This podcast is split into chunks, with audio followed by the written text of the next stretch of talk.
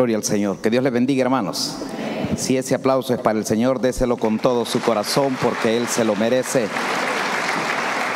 Gracias por estar en este lugar, en esta tarde. Que Dios les bendiga, les multiplique en bendición todo lo que ustedes hacen, el esfuerzo. Yo sé que no es nada fácil, pero lo importante es que han apartado un tiempo en su corazón para poder adorar a Dios. Acuérdese que nosotros los cristianos, realmente nuestro gobierno está en el cielo y lo que tenemos que hacer es buscar siempre al líder de ese gobierno que es nuestro Señor y Salvador Jesucristo. Así que así le voy a rogar que se ponga sobre sus pies, váyase a la Biblia, al libro de Deuteronomio. El domingo le dejamos el enlace nada más para que de lo que iba a ser este sermón, esta tarde lo vamos a tratar de desarrollar el sermón se titula Tú eliges. Diga conmigo, tú eliges. Vaya, aquí la piedra va para su cancha y para la mía. Ya nosotros somos los que disponemos de ello. Deuteronomio capítulo 30, versículos 19 y 20. Cuando usted lo encuentre me dice un fuerte amén. Y si no, ahí va a estar en la pantalla también, por si no trajo Biblia. En la librería están baratas, están al 2 por 1, 2 por 40 dólares y una por 20. Así que usted la busca. ¿Lo tiene? Leemos palabra de Dios, vamos a hacerlo en el nombre del Padre, del Hijo y del Espíritu Santo. Escrita está la letra y dice, a los cielos y a la tierra llamo por testigos hoy contra vosotros. Ya nos dejaron la pelota en nuestra cancha, ahí, ahí es decisión. Que os he puesto delante, ahí está la primera pareja de lo que dejaron, la vida y la muerte, la bendición y la maldición. Y ahí está la palabra clave que le da pie al sermón. Escoge pues la vida para que vivas tú y tu descendencia. 20. Amando a Jehová tu Dios. Fíjese lo primero que hay que hacer. Ame a Dios. Segundo, atendiendo a su voz. Número tres, y siguiéndole a Él. Porque Él es vida para ti y prolongación de tus días, a fin de que habites sobre la tierra que juró Jehová tus padres Isaac y Jacob que les había de dar. Oramos al Señor Padre, te damos gracias en esta tarde. Por tu amor, Señor, y por tu misericordia, por haber dejado para nosotros, oh Dios, la elección para poder entender que en el tiempo de la ley fue diferente al tiempo que ahora nosotros vivimos bajo la gracia. Solo te ruego, oh Dios, que tu Espíritu Santo nos pueda dar una mente y un corazón receptivos y que cada uno de nosotros, Señor, podamos tomar la parte que nos corresponde y de esa manera hacer una elección, Señor, para que nuestra vida tenga sentido. Bendice, Señor, a los presentes y a los que están a través de las redes. Te pido que también les puedas hablar al corazón, para que un día ellos también puedan sentarse en este lugar y que juntos podamos adorarte a ti, Señor. En Cristo Jesús y en acción de gracias te lo pido. Amén y amén. Pueden sentarse, mis amados hermanos. Tú eliges, es el título del sermón. Quiero contextualizarle el pasaje tal cual está escrito. Vamos a hacer la diferencia entre la ley y la gracia y qué pasaba en aquel momento, por qué Dios le escribe esto a este pueblo en el tiempo de la ley, cuando Dios hablaba de vida y muerte, era literal. Cuando hablaba de bendición y maldición, era literal. Bendición por obediencia, maldición por desobediencia, y era así de claro. Esa era la ley, estaba escrita y así se cumplía. Cuando alguien erraba en la ley, tenía que morir. E, era parte, era, era la regla. Entonces ahí eh, el negocio era entre Dios y el hombre. Por eso es que el texto dice, ahora yo le voy a poner por testigos a la tierra y al cielo. Porque no había nada más. Y llega un momento en la parte de la Biblia en que Dios le dice, yo te voy a poner cielos de bronce y una tierra de hierro. Como quien dice, no vas a ver nada, vas a vivir en un infierno totalmente diferente. Pero en el tiempo de la gracia la cosa cambia. Acá cuando hablamos de vida y de muerte, no necesariamente es muerte física. Y cuando hablamos de bendición y maldición tampoco se cumple de manera literal, sino que es sencillamente que la bendición es la paz y la tranquilidad y la maldición es la pérdida de las bendiciones. Pero igual, ya el testigo ya no es el cielo y la tierra, el testigo para usted y para mí es Cristo Jesús. Porque en aquel momento Dios hablaba al hombre de manera directa, de la mente de Dios a la mente del hombre y hasta se la decía al pueblo. Ahora en este tiempo no. Dejaron a Jesús, lo pusieron en medio nuestro para que Él sea ese camino. Dice la Biblia que aquel día que Jesús murió, el velo del templo se rasgó. Y ojo, se rasgó de arriba hacia abajo, lo cual implica que la autoridad venía de allá y eso abrió el camino para que todo aquel que crea en Jesús pueda tener entrada directa, que no tenga ninguna detención en el camino. Entonces ya queda en nosotros lo que vamos a elegir ser. Quiero dejar en esta tarde en su corazón la idea de que nuestra situación, cualquiera que sea, no es culpa de Dios, sino que es elección nuestra. Es lo que nosotros decidimos hacer.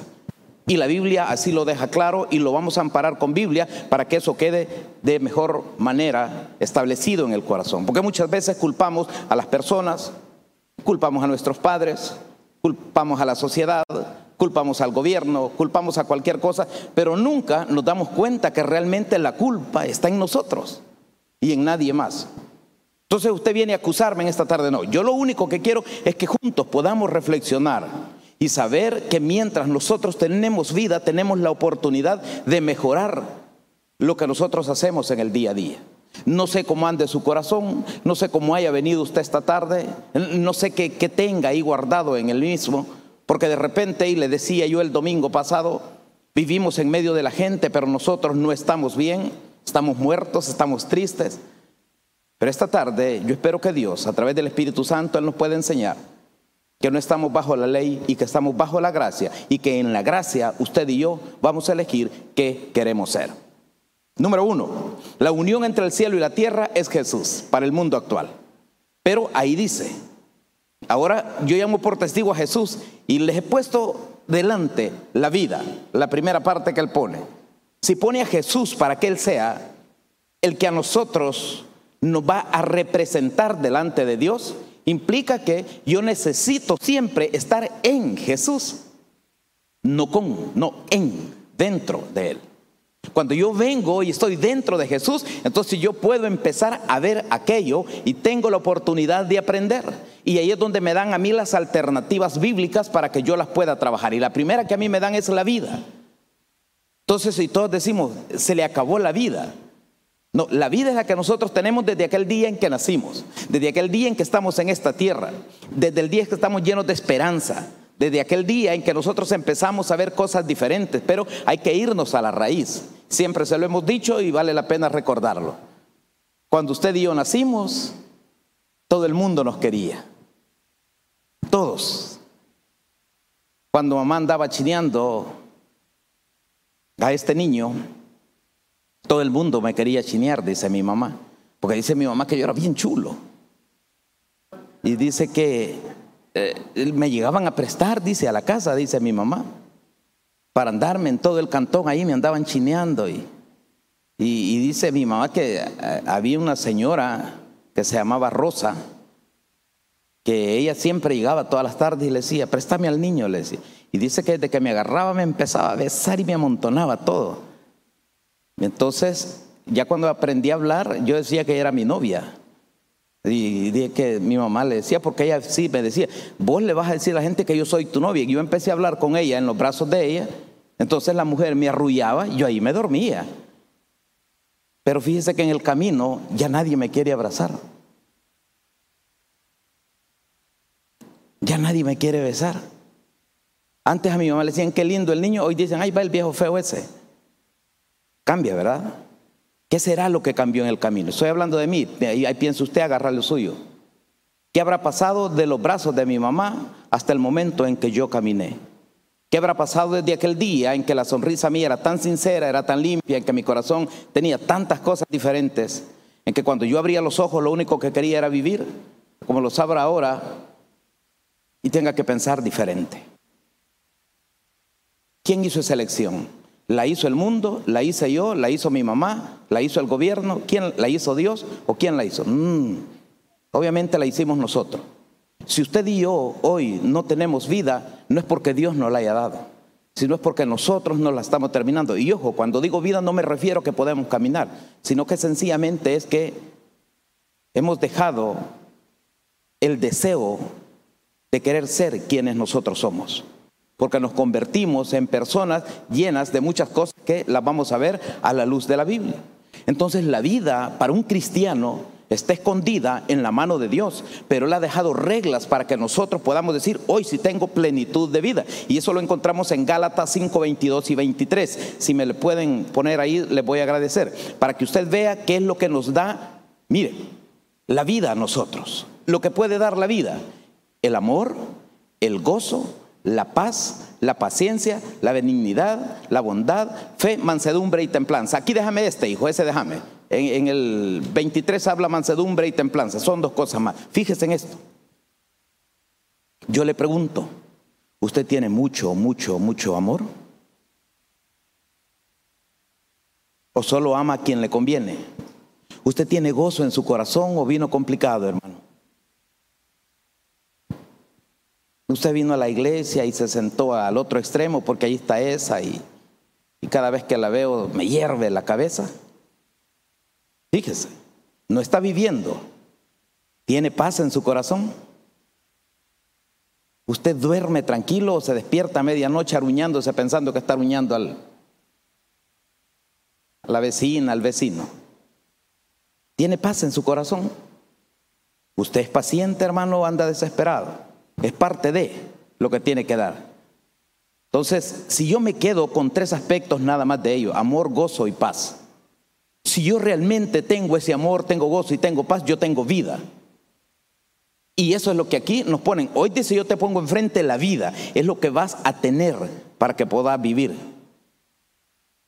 Te, te, voy a dejar que vos te desarrolles en esta tierra. Entonces cuando yo tengo gozo, yo siempre me ando sonriendo. No importa quién vea, no importa quién venga, no importa lo que me pongan, yo estoy feliz.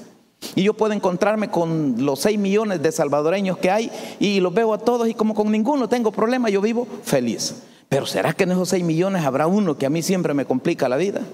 Entonces el gozo ya no es completo. Y allá en las cartas dice sumo gozo, que eso es un gozo total en donde no cabe nada más. ¿Será que la paz a mí se me ha terminado?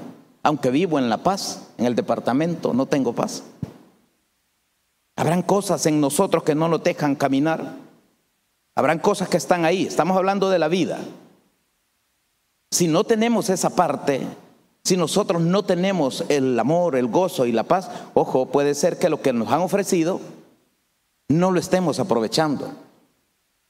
Y ya le dije, no depende de Dios, depende de nosotros. Porque usted y yo tenemos ahorita la pelota en la cancha.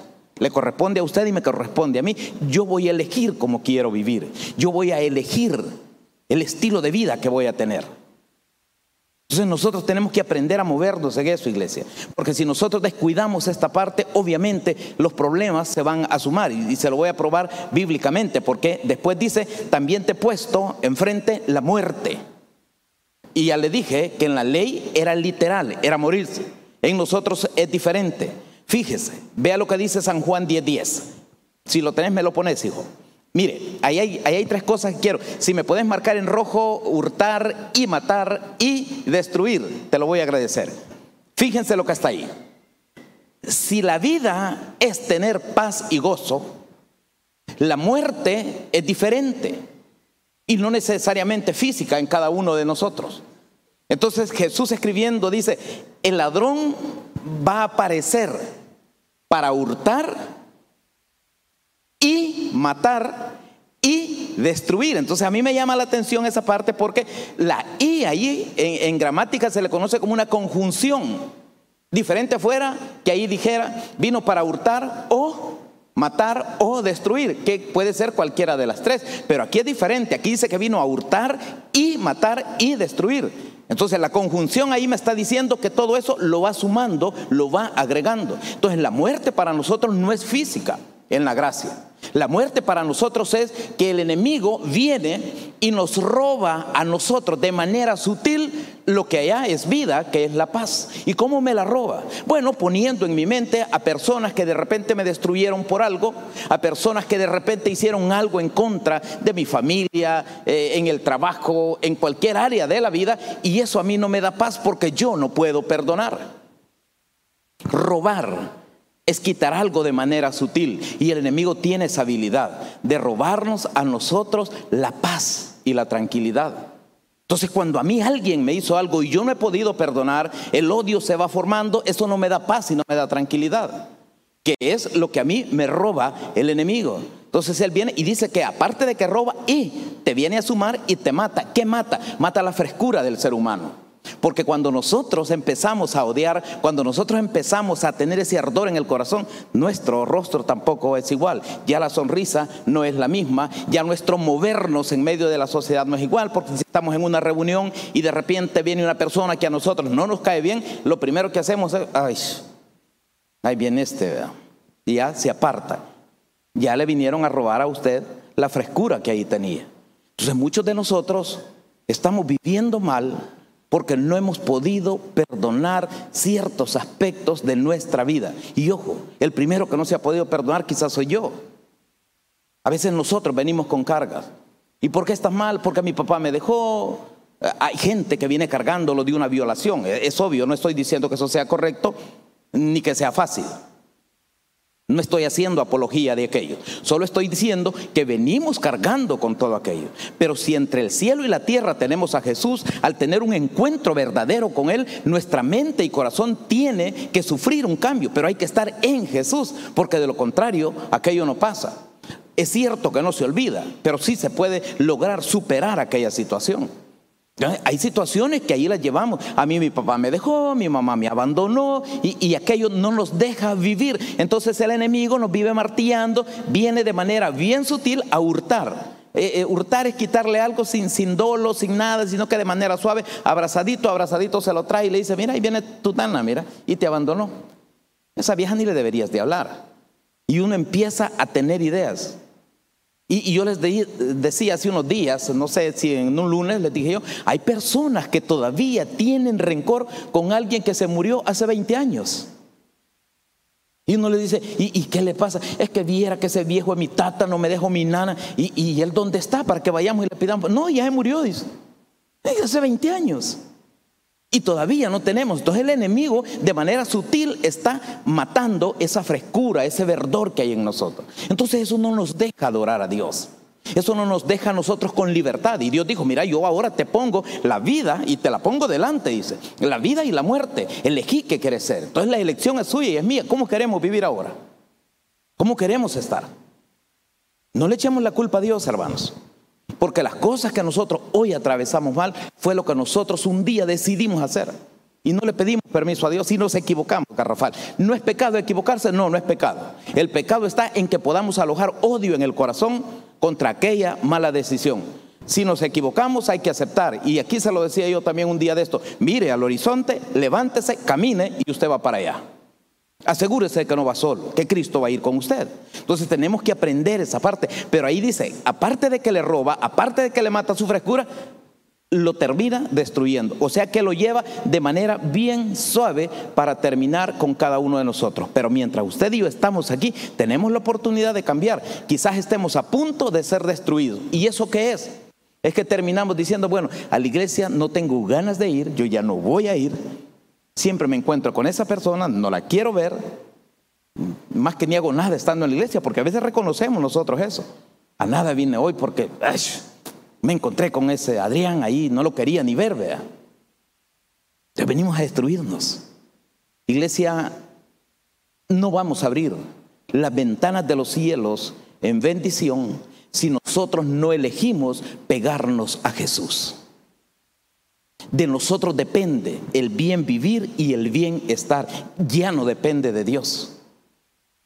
Si nos equivocamos, es tiempo que como cristianos que somos, creyentes en Jesús, ahora, de ahora en adelante, nos paremos y miremos hacia adelante y nos levantemos como aquel David que después de que cometió un error, vino delante de Dios, se presentó en el templo y empezó a caminar y empezó a vivir y empezó a entregarle su corazón a Dios, dejando todo el pasado atrás. Usted y yo tenemos que olvidar, tenemos que perdonar, porque un hombre un día en la cruz dijo, consumado es. Y dijo, perdónalos, no saben lo que hacen. Ese hombre es Jesús a quien nosotros a esta tarde venimos a buscar. Pero muchos de nosotros hemos elegido mal, vivir mal, y creemos que Él tiene la culpa. Entonces venimos a buscar de Dios, Señor, yo quiero estar bien, ayúdame, pero, pero nosotros no cambiamos. Tenemos que cambiar, hombre. Ya es tiempo que, que, nos quitemos esa capa de religiosidad y que empecemos a vivir de manera diferente porque hay un ladrón que lo anda buscando, lo quiere destruir de manera fácil, nos quiere llevar por la grada más sencilla para que nosotros caigamos en su trampa. Pero ojo, la vida y la muerte no van a ser físicas. ¿Para qué queremos vivir 100 años amargados y complicados en una cama? ¿Para qué queremos vivir con dolor en el corazón toda una vida? ¿Para qué queremos nosotros estar llenos de odio y de rencor? Y por eso no podemos eh, ser gente que alaba a Dios con toda libertad. Porque tenemos que prejuiciarnos en la vida. Porque tenemos que buscar siempre a alguien para culpar, cuando realmente lo que deberíamos de hacer es pararnos, limpiarnos y caminar. Iglesia, tenemos que caminar. Tenemos que ser diferentes.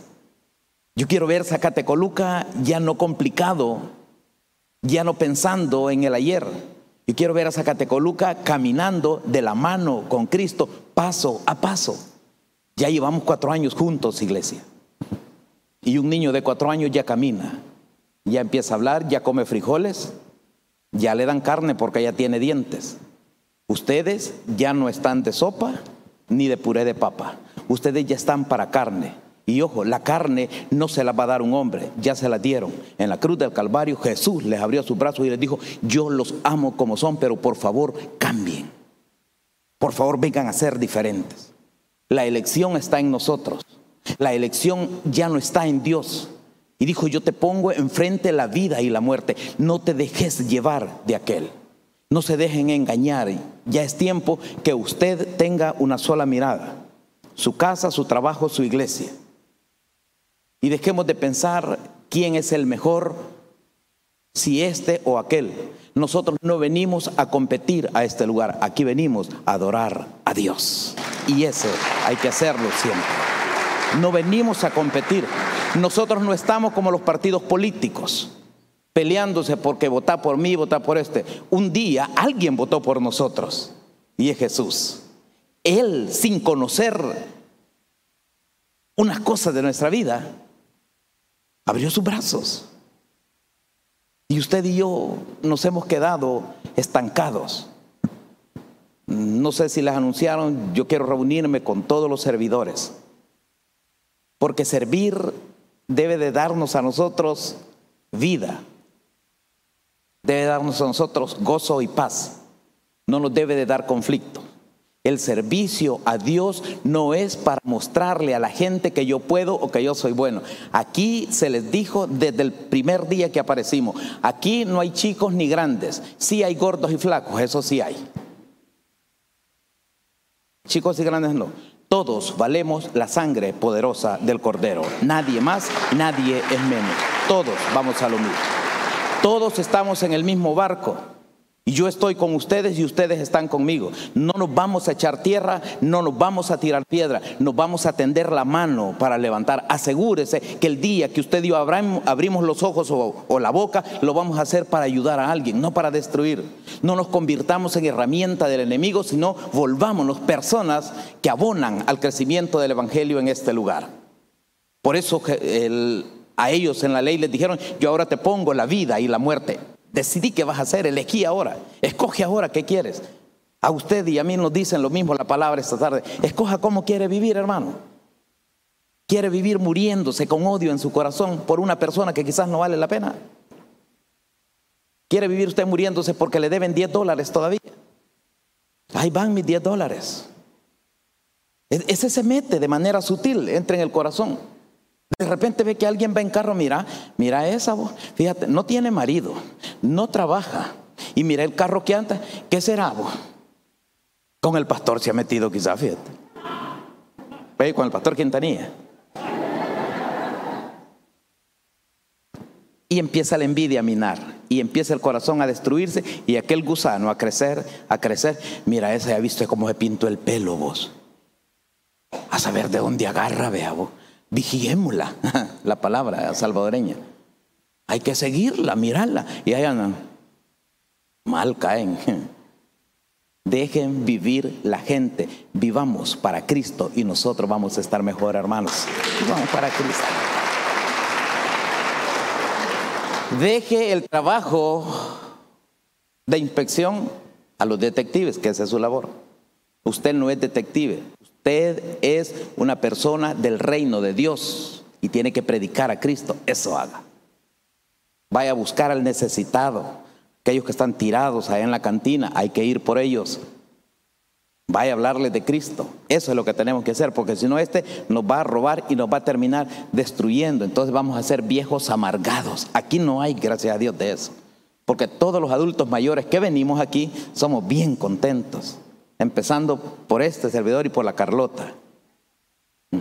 Contento. La Carlota, usted la ve y la Carlota tiene una sonrisa de oreja a oreja cada vez que la encuentra. Pero no se queda ahí. Volveme al texto inicial, hijo, por favor. Y dice la Biblia, también te he puesto adelante la bendición y la maldición. Le dije, allá era literal. Eran bendecidos los obedientes. Si sos obediente, vas a tener buen fruto en tu tierra, en tu casa, en tus vacas, en todo te va a ir bien. Si eres desobediente, la maldición te llega, vas a perder todo, decía. Esa era la ley y así pasaba. Deuteronomio, allá por el capítulo 28, así lo tiene. Usted las lee, ahí están las bendiciones a la obediencia, maldiciones a la desobediencia. Y aquí le dijo, yo te le he puesto delante ahora. Entonces, para mí, ¿qué es la bendición? Es la luz. Diga conmigo luz. Ok, yo soy bendecido cuando yo abro mis ojos. Yo soy bendecido cuando me puedo levantar, puedo caminar, puedo hablar y puedo ver. Esa es la bendición más grande que nosotros tenemos, hermano. Porque no estamos enfermos.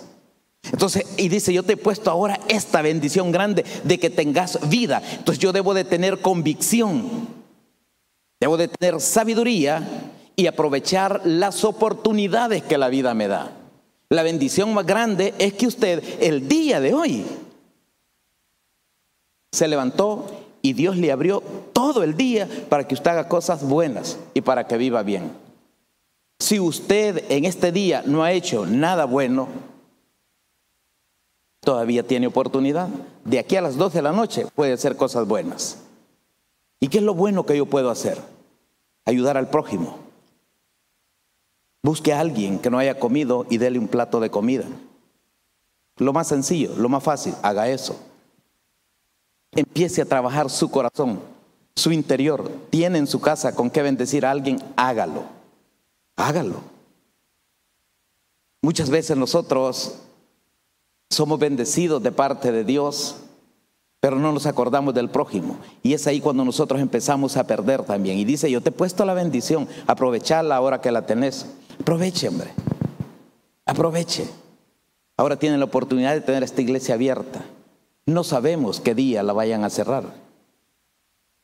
Nadie sabe. Hay países donde no se puede reunir la gente para adorar a Dios. El mundo va cambiando.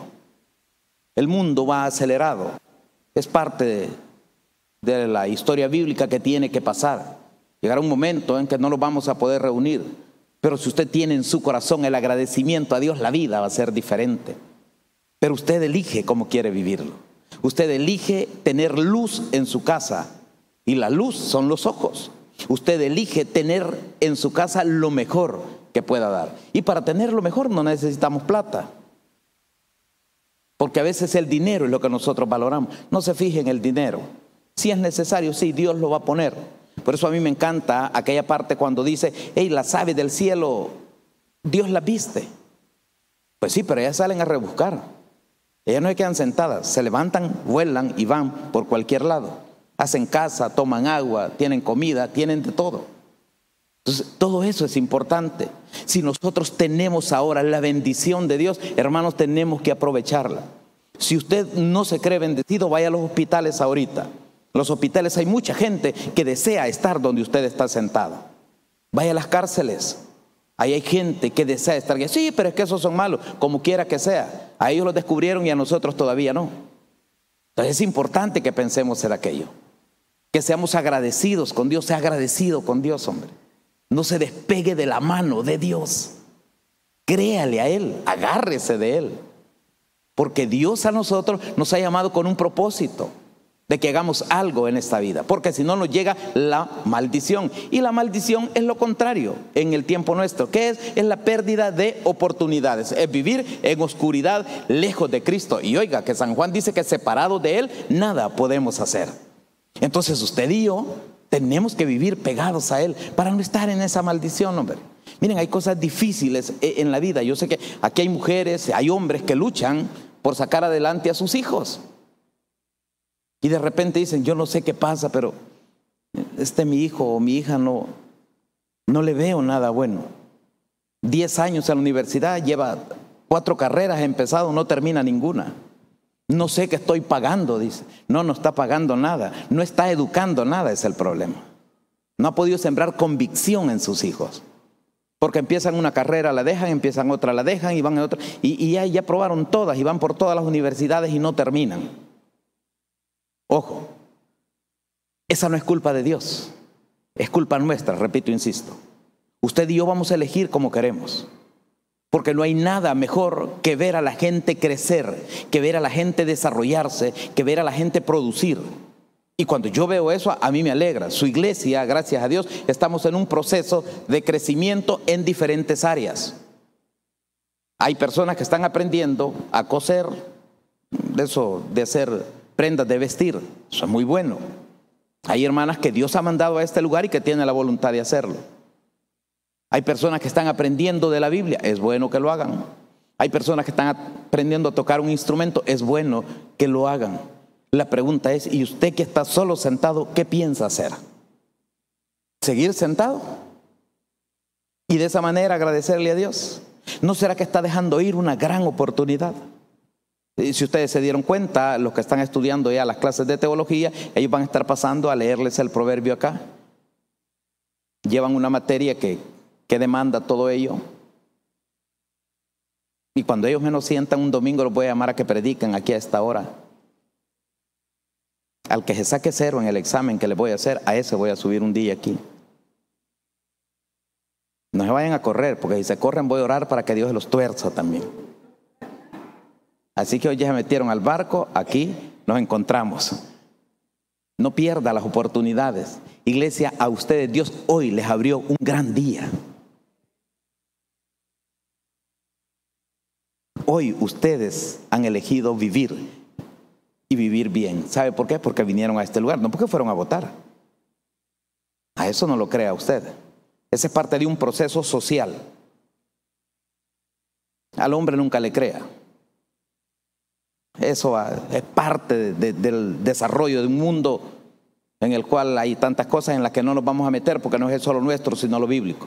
No, usted hoy tuvo un gran día porque Dios decidió que usted iba a vivir ahora. Y me encanta cuando lo veo que todos vienen bien vestidos. Yo les aseguro que si me acerco a ustedes, aunque sea limón, se echaron encima. ¿Saben qué? Dios los ama. ¿Saben qué? Envió a Jesús a pagar por ustedes. Allá afuera hay unos que no tienen lo que ustedes tienen. ¿Y qué es lo que ustedes tienen? La protección del Todopoderoso. Y Él los va a cuidar siempre. Pero es necesario que entienda que ahí está la bendición y la maldición. Y ahí está la palabra clave. Escoge, dice. Vale. Sea usted. Decida usted qué quiere, hermano.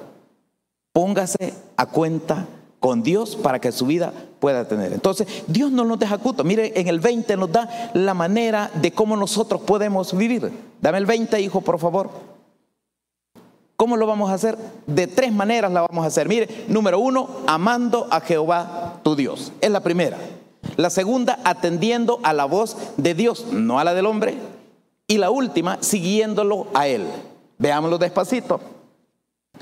De lo que yo haga depende mi bienestar y el de mi familia. Ahí dice, de lo que yo tome de esas tres cosas, dice, para que habites en la tierra que Jehová tu Dios te da. ¿Con quién? Con toda la gente que tenés, con toda tu familia. Entonces yo tengo que aprender a amar a Dios. ¿Y qué es amar a Dios? Bueno, es ponerme con Él y darle a Él lo que yo tenga mejor en mi corazón. No le puedo dar a Dios un corazón complicado, contaminado, lleno de odio, lleno de rencor, lleno de envidia, lleno de orgullo, lleno de arrogancia. No se puede, no camina así. Por eso les decía el domingo, a mí me encanta cuando yo leo la historia de David y de Saúl. Porque Saúl se mató él solo porque su orgullo, su arrogancia no lo dejó vivir. Por eso se quitó la vida. Y David no se la quitó. David teniendo el pecado encima, siendo como era, siempre se pegó a Dios y dice que David era conforme al corazón de Dios. A mí me encanta eso. Saúl no, porque él quería lucir él. Él quería que dijera, aquí está don Saúl, que mató un montón. Pero a él no le gustó porque las mujeres gritaban y decían, Saúl mató a miles y David a diez miles. Esa era la muerte de él. La arrogancia y el orgullo se lo llevó. No quiso atender a la voz de Dios. Entonces hay que amar a Dios, hay que atender esa voz. San Juan 10, 27 y 28 dice, mis ovejas oyen mi voz y yo las conozco y me siguen. Entonces, cuando Juan está escribiendo esa parte, se está refiriendo a la forma en que nosotros debemos de seguir a Jesús. Y el 28 dice, y yo les doy vida eterna y no perecerán jamás, ni nadie las arrebatará de mi mano. ¿Cuándo logro eso yo? Cuando yo logro atender la voz de Dios. Y allá dice en el versículo, si me lo volvés de nuevo, hijo, y dice, hey, vas a seguir a Jehová tu Dios, tenés que pegarte a Él, tenés que oír su voz, su palabra, péguese a Dios. Péguese a Él. No se puede quedar ahí. Si usted quiere alcanzar la vida, si usted quiere alcanzar la bendición, no deje a Dios, hombre. Péguese a Él.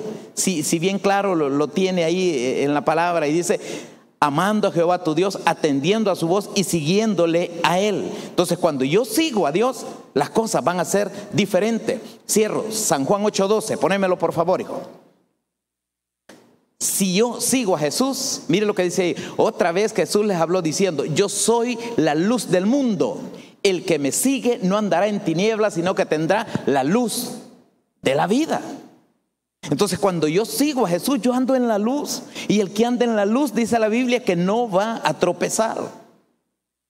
Pero andar en la luz, hermanos, implica andar con limpieza en el corazón, andar con la lámpara en la mano, caminar de día pero eh, eh, es bien triste saber de que entre nosotros todavía no nos amamos. No, hombre, si seguimos a Jesús, aprendamos a amarnos. Yo sé, repito, hay heridas grandes, hermanos. Y las heridas dejan una cicatriz. Y yo sé que a muchos de ustedes los han dañado enormemente. Yo sé que les han destruido quizás lo que más han amado en su vida, humanamente hablando. Pero hermanos, si la vida permitió que aquello pasara, hay que buscar el motivo, razón o circunstancia por lo que Dios lo permitió. De una cosa usted debe de estar seguro. Si usted perdona, Dios a usted siempre le va a abrir la mejor oportunidad. Por eso yo le dije al inicio, es mi deseo que esta tarde salgamos con un corazón limpio.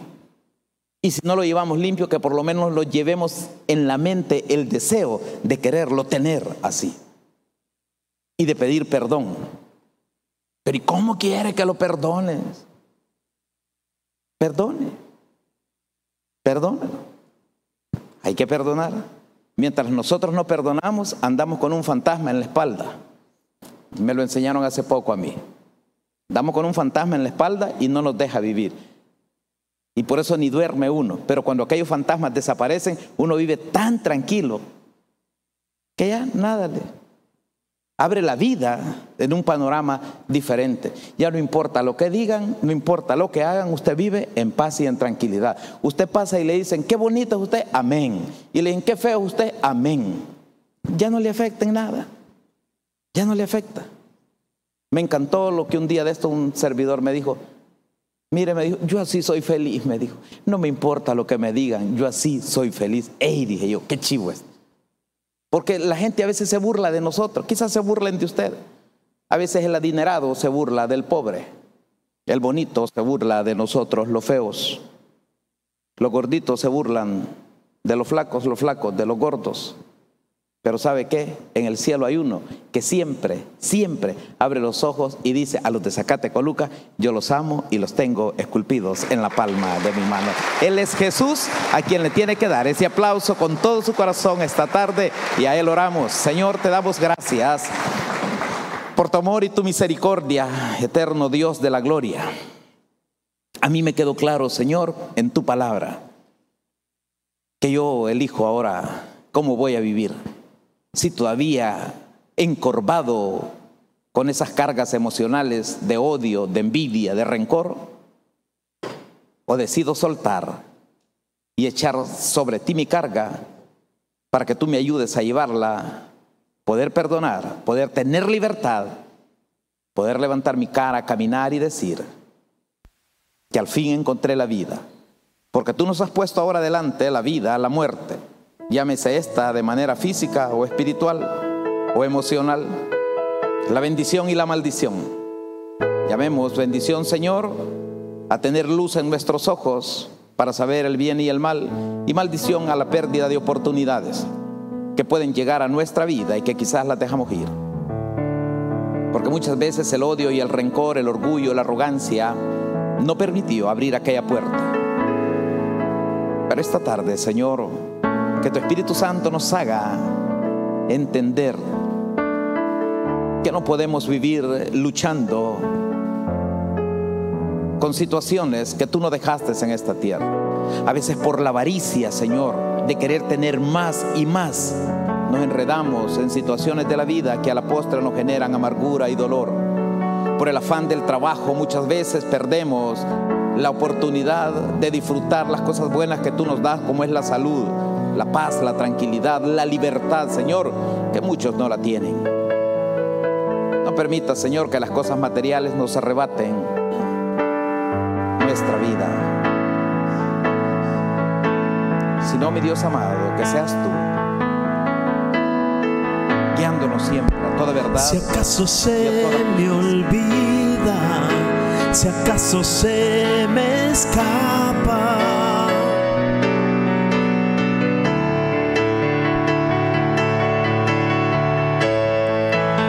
Si acaso se me nubla la pasión en mi mirada.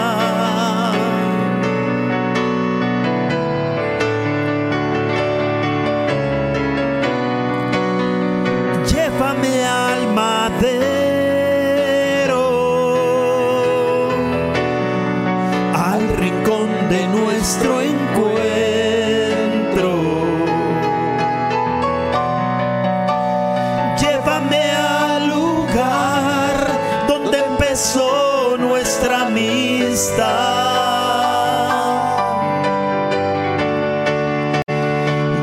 Llévame a la cruz.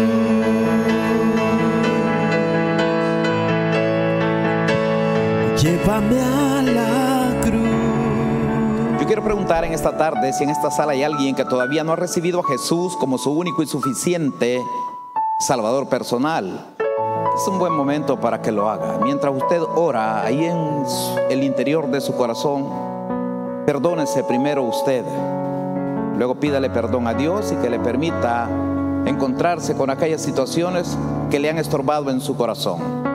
Mientras ustedes oran, los hermanos hacen la labor. Yo pregunto a los que están a través de las redes sociales, si ustedes todavía tampoco han recibido a Jesús y quizás ahí donde se encuentra en su casa todavía está envolviendo en su corazón raíces de odio contra su papá, contra su mamá, contra las personas con las que ha compartido su vida, con alguien que le hizo daño, ¿por qué no viene a Jesús? Yo le voy a hacer una oración.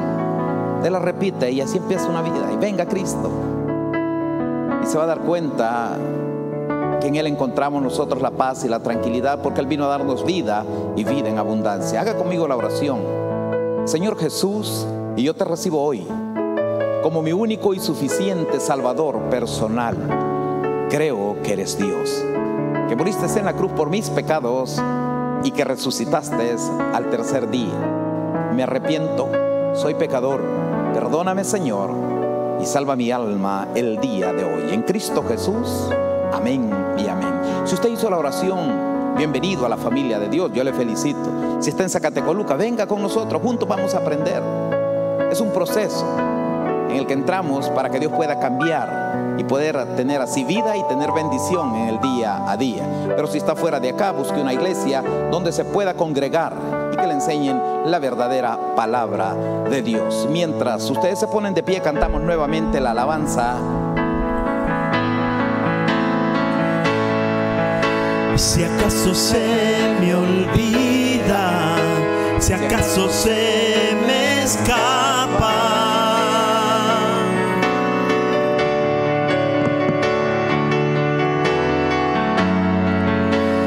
Acaso se me nubla la pasión en mi mirada.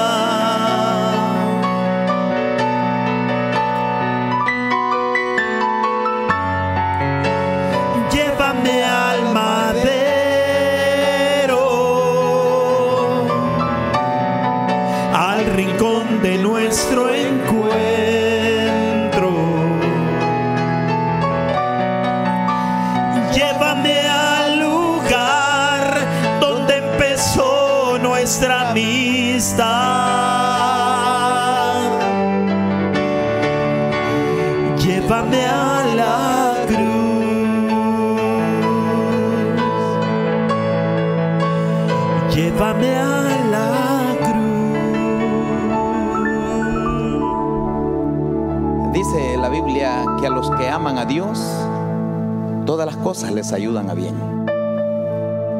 No sé cuál sea la situación que usted atraviese, eh, no sé qué pase dentro de usted. Pero lo que acabamos de leer, ahí está en el 19, y Jesús es por testigo de que ahora tenemos abierto vida, muerte, bendición y maldición. Si su vida no tiene lo que usted necesita el día de hoy, ¿por qué no le da un giro?